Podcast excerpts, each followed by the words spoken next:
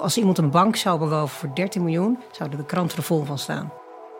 Bij Team Hightech Crime wordt vaak maandenlang gewerkt aan complexe internationale cybercrimezaken. Dit zijn digitale bankrovers. Zonder dat iemand iets in de gaten heeft. Tot dat ene moment. Maar feitelijk doen ze dat. Alleen je, het is niet tastbaar. En dat vinden wij als mens natuurlijk. Daardoor voelt het heel anders.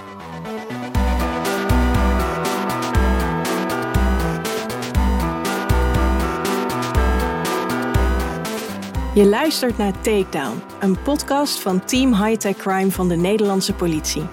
En mijn naam is Vivianne Bendermacher. Ik ben techjournalist en neem je in deze podcast mee achter de schermen van Team Hightech Crime.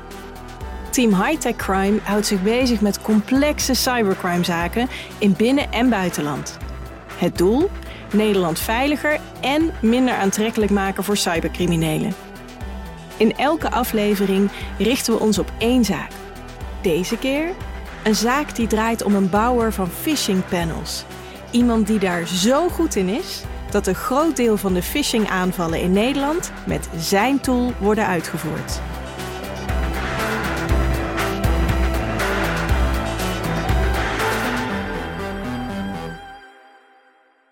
Een mededeling vooraf. Om privacyredenen noem ik van sommige mensen in deze podcast alleen de voornaam. We gaan terug naar april 2021, als er een melding bij Team Hightech Crime binnenkomt vanuit Group IB. Dit internationale cybersecurity bedrijf monitort voortdurend het online verkeer om zo verdachte activiteiten op te sporen. Deze keer krijgen de cyber-experts van dit bedrijf iemand in het vizier die via Telegram zijn zelfgebouwde phishing panels onder de aandacht brengt en deze tool tegen betaling aanbiedt. Oftewel, serieuze cybercrime. En daarom maakt Group IB er meteen melding van bij de politie. Cybercriminelen kunnen met deze tool namelijk allerlei vertrouwelijke informatie van hun slachtoffers in handen krijgen. Denk aan inloggegevens of creditcardnummers. En dat kan gewoon door het versturen van een simpel linkje. Daarachter zit natuurlijk een heel systeem, want je klikt op de link. Het lijkt alsof je op de website komt van bijvoorbeeld een bank. Uh, er wordt gevraagd of je je inlogcodes wilt sturen. Jij denkt in te loggen bij jouw bank, maar wat er gebeurt is, jouw informatie wordt gefisht. En iemand anders logt in op jouw bankgegevens en trekt jouw bank leeg. Dit is Sophie, senior tactische opsporing bij Team Hightech Crime. De melding van Group IB komt bij haar en haar collega's terecht. Ze legt uit hoe geraffineerd de phishing-aanvallen in elkaar zitten Slachtoffers worden begeleid naar een nep-webpagina, het phishing panel. En degene die erachter zit, heeft de complete controle. Stel je wilt, iemand heeft 80.000 euro erop staan en de opnamelimiet is 2000, dan kun jij zelfs de opnamelimiet wijzigen. Want je hebt totale toegang tot iemands bankgegevens. In 2020 was de schade daarvan bijna 13 miljoen. Nou, ik uh, ben Wieteke Korn. Ik ben officier van justitie. Ik zit bij het landelijk pakket. En ik zit specifiek bij het cluster High Tech Investigations. Dus ik werk samen met de politie. En uh, wij zijn op zoek naar met name de facilitators van cybercrime. Phishing is een vorm van cybercrime die helaas vaak voorkomt. In 2020 bedroeg de schade van phishing via internetbankieren voor banken maar liefst 12,8 miljoen euro. Wieteke en Sophie duiken in de informatie van Group IB. En wat hen gelijk opvalt, is dat de panelbouwer zijn panels niet verkoopt, maar verhuurt. En die zei: Je mag een abonnement bij mij afnemen voor uh, eh, ABN-sites, ING-sites, Rabobank. Nou, noem ze allemaal maar op, alle grootbanken.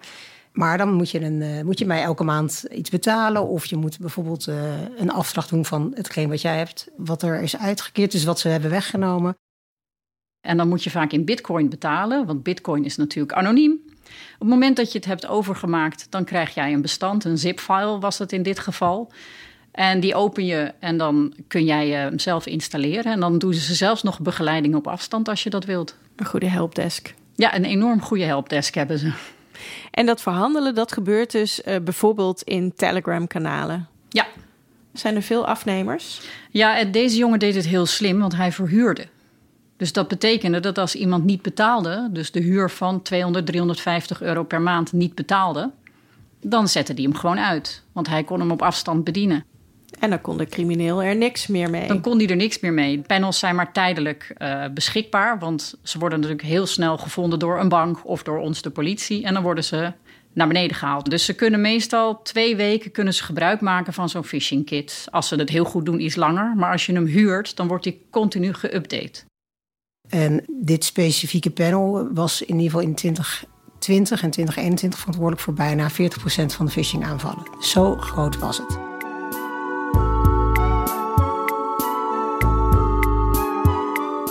Het OM en Team Hightech Crime besluiten, samen met interne en externe partners, zich te richten op de facilitator, de panelbouwer dus. Want als ze die te pakken krijgen, halen ze ook meteen alle afnemers uit de lucht. Alleen is de politie bij het opsporen van een verdachte gebonden aan wettelijke kaders. Dit is waar de officier van justitie, Wieteke dus, op toeziet. En die toetst continu of wij wel legale stappen zetten, ja of nee. Die toetst dus inderdaad een middel zoals een tap. Dan is uh, zo'n persoon degene die zegt: Nou, dat mag wettelijk gezien wel. Ja, je hebt me voldoende overtuigd. Of nee, we hebben ook gerust nee gehoord op bepaalde dingen die wij bedacht hebben. En ja, het OM monitort continu of wij ons aan de wet houden. Sophie is open source intelligence expert. Dat houdt in dat ze haar onderzoek doet met openbare bronnen. We kregen van Group IB te horen dat het verkocht zou worden op Telegram. Ik had een panelnaam en ik had natuurlijk de naam van degene die de panel zou verkopen en die ze zou maken. En de dan nickname. Heb het, de nickname, ja. En daar ben ik op gaan zoeken. En toen ging er een hele wereld voor mij open, want er bleek in één keer zoveel te zien te zijn en zoveel besproken te worden en zoveel te vinden eigenlijk. In haar onderzoek naar de verdachte gebruikt Sophie verschillende tools om informatie boven water te krijgen. En zo weet ze het Telegram ID-nummer van de verdachte te traceren. Dus daar ben ik meer op gaan zoeken. Dus ook zijn vorige namen zag ik. Dus ik kon veel dieper terug in het verleden. En op zijn naam kreeg ik meldingen over hem. Uh, dat mensen uh, doorlinkten naar hem, maar ook berichten van hemzelf. En die berichten van hemzelf, daar ben ik uiteindelijk in alle verschillende Telegram-groeps waarin hij zat, ben ik gaan kijken wat zegt hij waar en zegt hij iets over zichzelf. Of zegt hij iets identificerends? Of zegt hij iets belastends? Maar advocaat van de duivel zegt hij ook iets ontlastends. Dus uh, dat is eigenlijk de manier waarop ik te werk ben gegaan. En heb je toen zijn identiteit kunnen achterhalen? Nou, het is heel mooi. De jongens zijn vaak ook nog jong en opschepperig. Uh, we kregen behoorlijk wat identificerende gegevens over hem. Zo vertelde hij ongeveer zijn leeftijd. Hij vertelde ongeveer um, wat hij gedaan had, welke opleidingen. Hij vertelde met wie hij bevriend was, maar hij noemde één specifiek iets. En dat is dat hij op een gegeven moment heel stoer zat te vertellen dat hij 30 dagen vast had gezeten ergens. En daar ben ik op verder gaan rechercheren binnen de politiesystemen. En dat is dan geen OSINT, maar dan gaan we die twee combineren. Naast open source intelligence maakt de politie ook gebruik van closed source intelligence. Wanneer Sophie in het politiesysteem kijkt, ontdekt ze dat de politie de verdachte destijds niet op zijn eigen woonadres heeft aangetroffen, maar op een ander adres. Zo kan Team Hightech Crime dus met vrij grote zekerheid de identiteit van de verdachte en zijn vermoedelijke verblijfplaats vaststellen. Alleen moet de politie dit ook nog kunnen bewijzen om de zaak voor de rechter te kunnen brengen. Een manier om dat te doen is het plaatsen van een tab op het IP-adres. En zo zijn we bij hem eigenlijk terechtgekomen. Dat gaat natuurlijk niet zo makkelijk als dat het klinkt, want ik moet natuurlijk de officier wel overtuigen van het feit dat er noodzaak is om zomaar iemands IP-adres te bevragen. Nou, dat wist ik wel goed te onderbouwen. Hoe ben je achter een IP-adres gekomen? Het IP-adres is via Group IB bij ons terechtgekomen. Dus die had je al, je had het IP-adres. En toen ben je op dat IP-adres gaan rechercheren. Ja, want het IP-adres, meestal maakt iemand bankgegevens bijvoorbeeld over via zijn IP-adres. Nou, dat is een route die we hebben uitgelopen, maar heel simpel gedacht. Het zijn jonge jongens. 9 van de 10 keer maakt iemand wel gebruik van zoiets als thuisbezorgd.nl of Videoland of Netflix. Die kan je allemaal vorderen. Dus dat betekent dat ik dan dat IP-adres stuur naar bijvoorbeeld thuisbezorgd en zeg: wat weten jullie over dit IP-adres in deze periode? Via de tab merkt Sophie op dat er veelvuldig eten wordt bezorgd op het adres. Meer dan wat je zou verwachten voor slechts één persoon. Bovendien doen de websitebezoeken vanaf dat specifieke IP-adres vermoeden dat de verdachte daar inderdaad aanwezig is.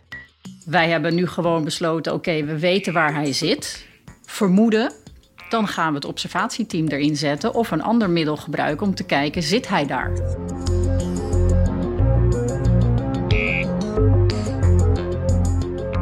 Als ik het me goed herinner, was het ook een thuisbezorgd die iets kwam brengen. En de deur ging open en hij deed open. Ja, en dat is natuurlijk een Eureka-momentje voor ons. Dat we echt zoiets hebben van hij zit er echt. We hebben hem in beeld op die plek waarvan wij denken dat hij er zit. Was het dossier zo ver rond? Hè? Je wist nu op welke locatie die zat. Uh, je, wist, je wist welke persoon het überhaupt was, wie daar achter de nickname schuil ging. Wanneer weet je, nu hebben we genoeg. We gaan er naartoe. We gaan hem aanhouden. In dit geval hadden we natuurlijk uh, het IP-adres wat aan hem gelinkt werd. Um, we hadden de Bitcoin-adressen die we ook uit hebben gelopen. Daar kwamen we ook bij een adres dat aan hem gelinkt was. De dingen die hij natuurlijk zelf over zichzelf had verklaard. Daar zitten nog meer dingen bij die ik helaas niet mag vertellen, maar die behoorlijk identificerend waren. Kon het echt niet anders zijn dat de conclusie van ons was: uh, we hebben een, uh, een heel sterk vermoeden of aan uh, waarheid grenzende waarschijnlijkheid dat dit de persoon moet zijn. Dus de volgende stap is, hoe gaan we het aanpakken om hem aan te houden? En met dit soort zaken is het eigenlijk altijd gewenst om de laptop open te hebben. Omdat ze vaak slim zijn, gebruik maken van afscherming en ook gebruik maken van versleuteling. Uh, dus voor ons is dat heel belangrijk om ook die aanhouding dan goed in te richten. Ga je dan aankloppen of uh, ga je juist met minder toeters en bellen? Dus uiteindelijk hebben we er wel voor gekozen om te proberen hem af te leiden. En dan uh, op die manier naar binnen te gaan. Maar op zich wordt, het, wordt dan geen enkel middel geschroomd.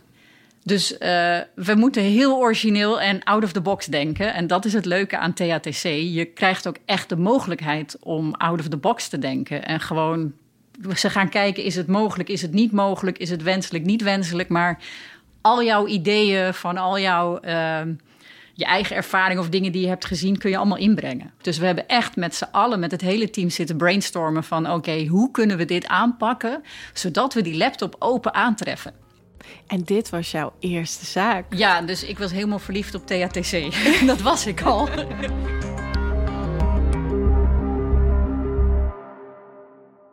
Nu ze de dader in het vizier hebben, ontstaat het idee om juist vanuit deze zaak een afschrikwekkend effect uit te laten gaan. Ze gaan immers de allergrootste panelbouwer van Nederland oppakken. Enter Elise.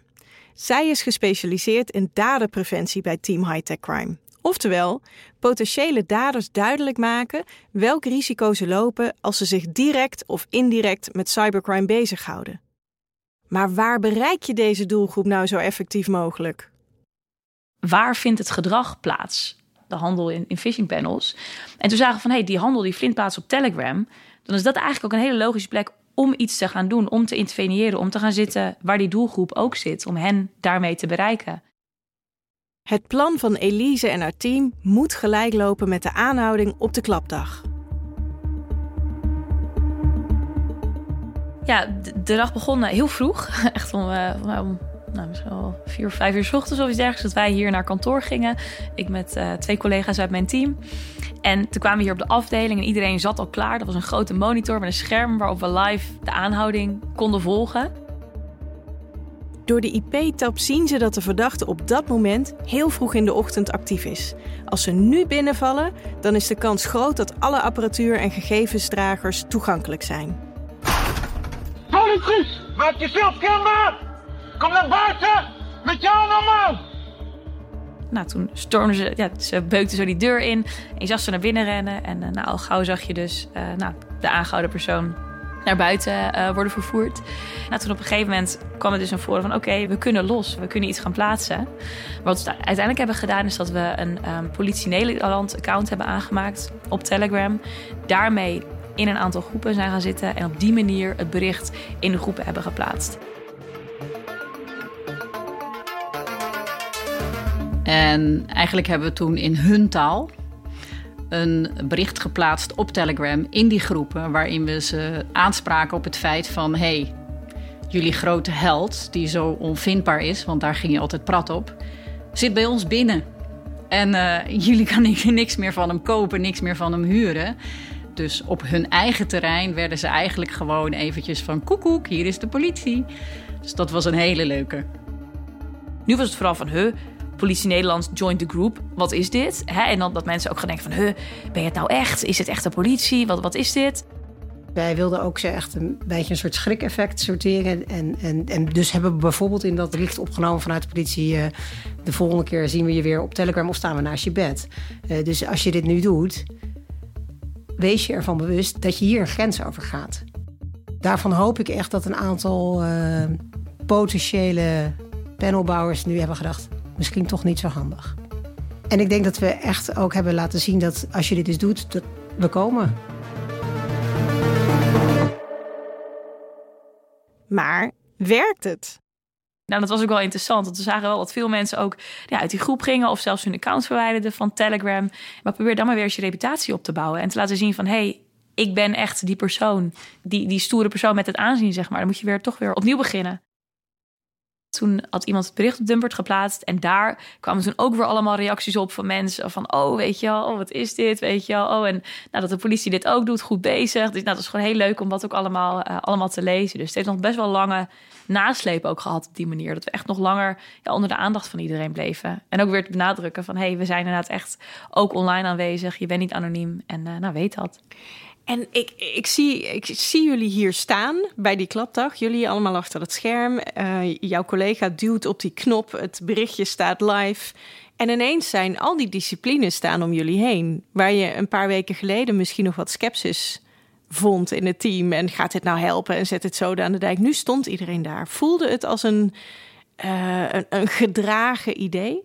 Ja, ja, uiteindelijk wel. Maar vooral omdat iedereen een stukje bij kon dragen vanuit zijn eigen expertise. Dus dat het echt was van nou, het operationele team, die doet natuurlijk het hele onderzoek, die doet de aanhoudingen. Dat hebben wij weer nodig om te kijken van hoe kunnen wij hier zo'n bericht plaatsen. Je hebt communicatie nodig die meedenkt over dat persbericht. En die speelt er ook weer een rol in. Het OM denkt mee vanuit de juridische kader van oké, dit is het plan, past dat, mag dat? Dus dat iedereen echt zijn eigen ja, deel aanlevert. Nou, dan voelt het echt als een ja, collectief geheel, echt een gezamenlijke uitkomst. Gewoon het hele onderzoek, het hele geheel.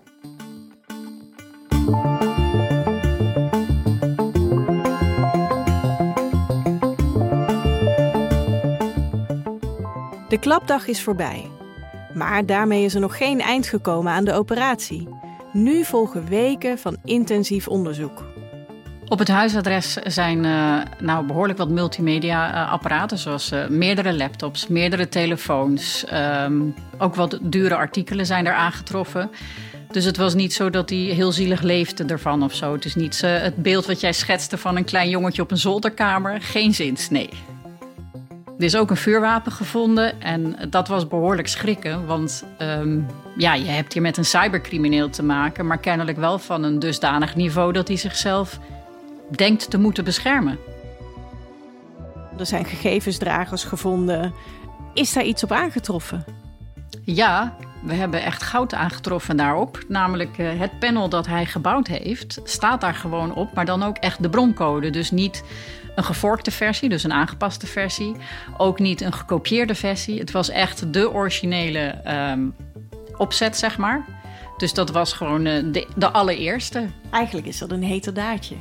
Het is een absoluut heterdaad als je het prototype te pakken hebt. Ja, hij kon er niet omheen om te zeggen dat hij er niks mee te maken had. Dat was echt fantastisch.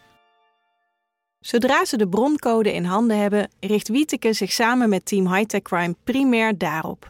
Daarnaast gaat de politie ook achter de afnemers van de phishing panels aan. Hoe is het geschreven? En daarmee kun je natuurlijk ook de vervolgstap zetten, namelijk zorgen dat dit panel niet alleen toen eruit was, maar dat hij dus ook niet meer dat die geen waarde meer heeft. Dat mensen het ook niet meer willen afnemen. Dat was een van de doelstellingen ook van het onderzoek. Want we kunnen wel deze meneer aanhouden als zijn panel verder doordraait. Ja, dan hebben we natuurlijk... Ja, dat is maar momentopname. Dus dat, is niet, dat vonden wij geen succes. Maar deze persoon die jullie uiteindelijk als verdachte uh, zien in deze zaak... Ja. dat is geen naïeve Nee, dit, heeft, dit is gewoon zijn baan. Dit is zijn baan. Dit is ja. zijn baan. En uh, dit, daarom was hij ook zo professioneel om te zeggen... Uh, als je bij mij het panel afneemt, dan uh, kan je een abonnement nemen... en dan kan je bij mij kan ik helpdesk vragen beantwoorden. En bijvoorbeeld dat soort dingen. Dat, dat vind ik getuigen van de professionaliteit. Dan kan je niet meer zeggen, ik vind het gewoon een leuke puzzel. Helpdesk vragen beantwoorden. Ja. Dit, dit lijkt iets van uh, hè, criminelen met een helpdesk. Ja, nou, dat zien we wel meer juist ook in echte grotere zaken. We draaien natuurlijk ook ransomware uh, zaken. Er zitten gewoon dadergroepen achter die gewoon complete afdelingen hebben ingericht. Die gaan over, als je dit, dit product, deze ransomware afneemt... dan krijg je inderdaad op 24-7 helpdesk functie krijg je erbij. Je krijgt ook ondersteuning bij als je eventueel echt aan onderhandelingen toekomt. Welke taal wil je onderhandelingen doen? Zijn echt zijn net zo groot als CEO. Het zijn gewoon CEO's. Met een uh, volledige multinationals, met ook inderdaad dus internationale afdelingen, omdat ze wereldwijd opereren. Als iemand een bank zou beroven voor 13 miljoen, zouden de kranten er vol van staan. Want daar, door het hele jaar is er dus 13 miljoen schade. En nu is daar natuurlijk niet deze meneer in zijn eentje verantwoordelijk voor. Maar dat is de, dit zijn digitale bankrovers. En bankrover, als je dat even nadenkt over die tekst, dan heeft dat direct een ander gevoel. Maar feitelijk doen ze dat. Alleen je, het, is, het is niet tastbaar. En dat vinden wij als mens natuurlijk. Daardoor voelt het heel anders. Wat is de status van deze zaak nu? Wat kun je erover zeggen? Eh, de status is dat we, we zijn eh, aan het wachten op een zittingsdatum. En dan gaan we hem inhoudelijk afdoen.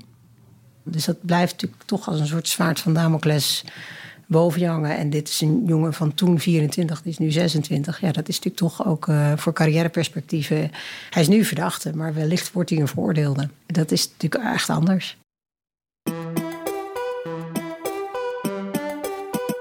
Denk je dat er met deze zaak een harde klap is toegebracht aan de criminaliteit?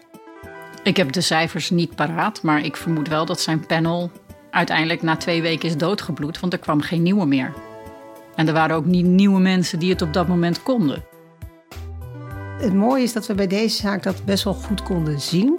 Omdat het panel eruit lag, werden al die nepsites natuurlijk niet meer onderhouden. Uh, wij zagen toen in de maanden echt een, uh, was er echt een duidelijke daling in het aantal spamberichten. Want deze meneer is aangehouden in juli 2021. Dat je de rest van het jaar was dat echt veel lager.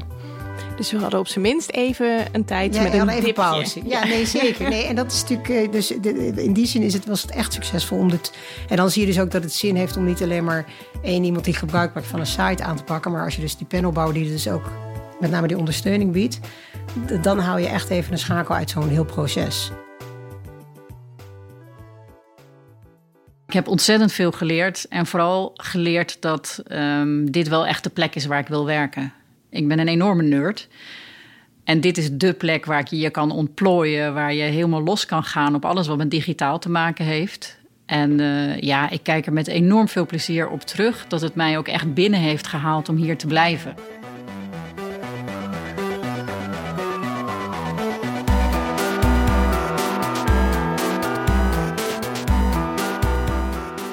Je luisterde naar Takedown, een podcast van Team Hightech Crime van de politie. En mijn naam is Vivianne Bendelmacher. Meer weten over Team Hightech Crime?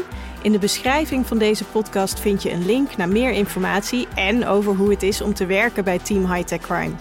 Ook vind je daar een link naar een enquête, zodat je ons kan laten weten wat je van deze podcast vindt. Geen aflevering missen? Abonneer je dan op Takedown in de NRC Audio app of waar je dan ook de podcast luistert. Takedown is een XTR branded podcast in samenwerking met audio agency Airborne en de politie.